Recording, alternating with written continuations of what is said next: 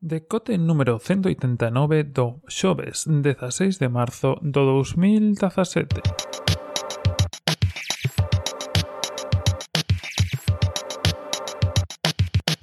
Bos días e benvidos a este novo decote. Hoxe imos falar un pouco eh, como pon o título de comunidades, non de comunidades de propietarios, non de comunidades de veciños, sino de comunidades eh, que se xuntan, que se fan alrededor pues, de blogs, de foros e de certos puntos.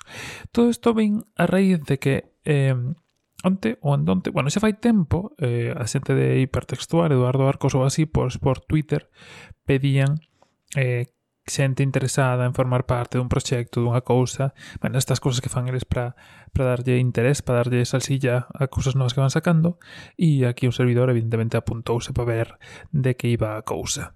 A cuestión é que Antonte, eu creo que foi o sábado así, chegoume un mail eh, dicindo que si seguía interesado e tiña tempo e pa, pa, que me parecía unha cousa rara.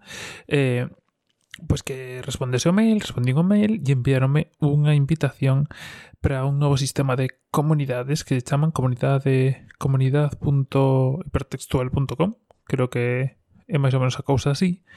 Eh, Eu desto xa fai uns días, presentaron oficialmente onte, porque, bueno, tiña acceso, podía ver un pouco como funcionaba, pero tamén pediron que non dixéramos nada por redes sociais nin por nada de, de que xa estaba activo e que estaba funcionando porque querían facer a presentación que foi o que fixeron onte. Concretamente non sei se si seguides a esta rede social ou alguén da, da xente que traballa nesta rede social nesta rede social neste, nesta blog neste que foi no seu momento red de blogs que ahora está todo baixo hipertextual baixo ese nome e, e nada empezou eh, uh, saiu pa diante.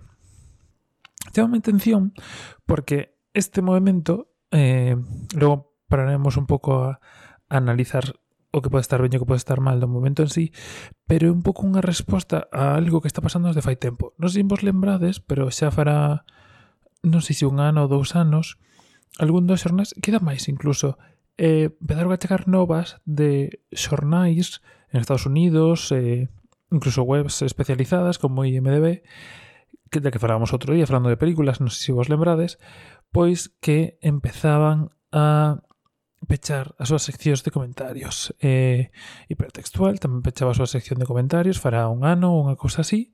No artigo, como sempre, na lectura recomendada que vos deixo abaixo, onde farán un pouco máis desto de, das comunidades, de por que pecharon os comentarios, de por que fixeron experimentos polo medio, pois eh, falan un pouco deste feito e, bueno, de todo o que rodea os comentarios.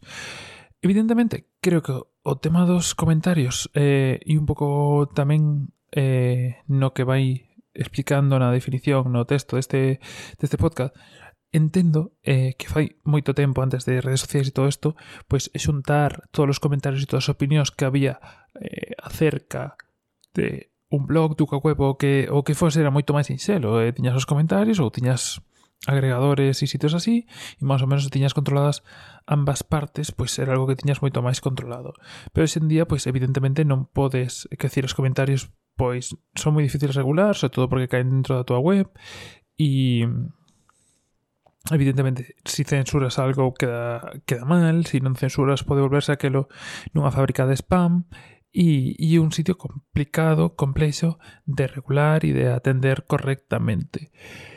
E bueno, hai xente que está eh, poñendo filtros a esto. Nos escoitaste esa nova de fai uns días de, do diario noruego, creo que é. Tamén tedes a nova na, na descripción do diario noruego que puña tres preguntas sobre o texto antes de deixarte comentar que era unha forma de asegurarte que o leras para evitar que a xente poña pues, tonterías. Eh, neste caso, por exemplo, hipertextual, o que fixeron foi crear unhas comunidades que eh, basicamente poden ser un pouco máis bonitas ou menos bonitas, pero basicamente pois o que son son é un foro, unha especie así, un, un sitio onde hai fíos onde alguén inicia o fío e o resto de xente responde ao fillo e pouco máis. Os fillos están organizados por categorías e xa está.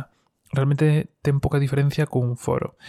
E E logo, é simplemente xente que decidiu que eh, o sitio onde facer estas charlas, estas, estas eh, non sei como chamalos, discusións acerca de certos temas, pois están as redes sociais, está Facebook, está Twitter, está outros sitios onde é mellor facelo. Cóstame, desde, desde aquí, desde a miña ignorancia, cóstame entender o sistema de hipertextual por varios motivos. Primeiro, eh, non quita o problema, quero dicir, non sei se vai funcionar con invitación, eu tive unha invitación e creo que vai haber ata certo punto invitacións, pero eso non quita que aparezcan trolls, que aparezcan comentarios chungos e que vayas a ter que censurar ou controlar eh, igual que tienes que facer nos teus comentarios do teu propio blog. Evidentemente, ademais descentralizas as cousas do teu blog porque xa non tens que falar necesariamente do artigo que acabas de ler, sino que poden ser temas libres ou do que sexa que ten positivo? Evidentemente está todo nun sitio. Que ten negativo? Que eso non vai evitar que siga vendo comentarios, siga vendo cousas nas redes sociais e que siga vendo un sistema de comunicación paralelo e que non vayas a controlar nunca. E tampouco creo que sexa a cuestión controlalo. Eh, se si vas a competir, pois evidentemente eh, é algo moito máis pechado, pero non deixa de ser pois un mini Reddit para hipertextual ou un mini foro para, para o que sexa. A min cóstame verlle futuro, sobre todo porque implica moito traballo da xente que normalmente non traballa nada. Sempre falamos desto por aquí, ou creo que algunha vez o tocamos, pero eh, os, os comentarios funcionan porque hai un texto antes traballado con detalles, cousas que, que fai alguén e logo pois a outra persoa é a que vai a opinar sobre ese texto. Este sistema de foros pois cambia porque ao final é unha persoa que ten que empezar poñer un primeiro comentario e logo o resto de xente responde. Pero por iso ten que haber unha primeira persoa que poña o comentario que sexa a primeira que fai algo. Mentras que ese, ese iniciador nos, nos páxinas eh, eh, pois a nova, neste sistema de foros cai na man das, da, do resto de xente. E iso tamén o vexo bastante máis complicado. No sé lo que durará, eh, pero bueno, te doy ahí. Eh, no sé si puedo invitar a alguien, puedo mirarlo, pues si queréis, invito vos, evidentemente. Y te des todo en la descripción. Entre esos dos artículos, este es tanto artículo de blog, tres comentarios como otros. Va a ser curioso ver hacia dónde avanza esto, porque como digo, eh, evidentemente pasamos de comentarios a redes sociales, incluso pues aquí muchos de estos comentarios llegan por redes sociales directamente, porque es algo mucho más sincero, todo el mundo entra todos los días. Y, y, creo que va a ser muy complejo, muy complicado y pouco orgánico ter que pasar de redes sociais, sobre todo cando, bueno, si fose máis limpo, se quitas os comentarios e pasaras isto directamente, pois pues quizá a xente trasladábase dun lugar a outro, pero eh, e poñerlle moitas máis complicacións a algo moi sinxelo. En as redes sociais estás todo o día, así que simplemente lees un artigo e comentalo nas redes sociais, eh, no propio artigo, pois entrabas a lelo e comentabas despois máis abaixo, e Y esto requiere ir a un tercer sitio, porque evidentemente vas a leer artigo artículo en un sitio, vas a comentarlo con os teus colegas nas redes sociais e vas querer comentarlo con outro grupo de xente diferente na que non están os teus colegas neste foro. Vexo complicado, eh. Eh, a verdade.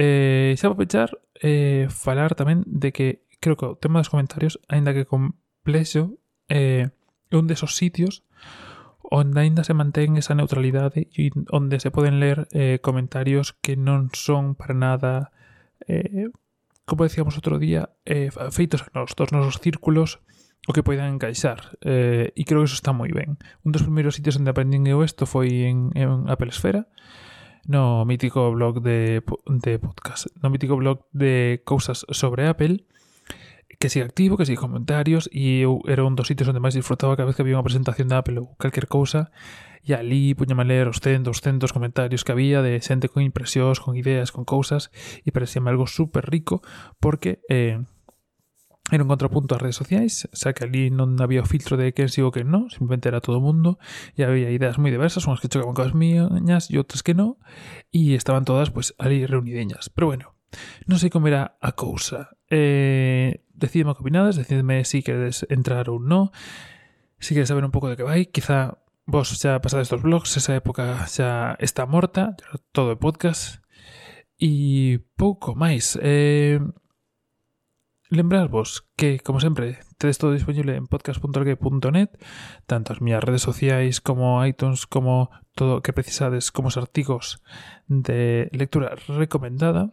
Animarmos a que escoitades o podcast da xente de Facemos Historia, arroba Facemos Historia en Twitter, que onte nos fixeron un pouco de promoción do decote, que lle agradecemos desde aquí, como fixemos xa desde o Twitter. Nada máis por hoxe. Vémonos mañá de novo no mesmo sitio e a mesma hora. Un saúdo e ata mañá.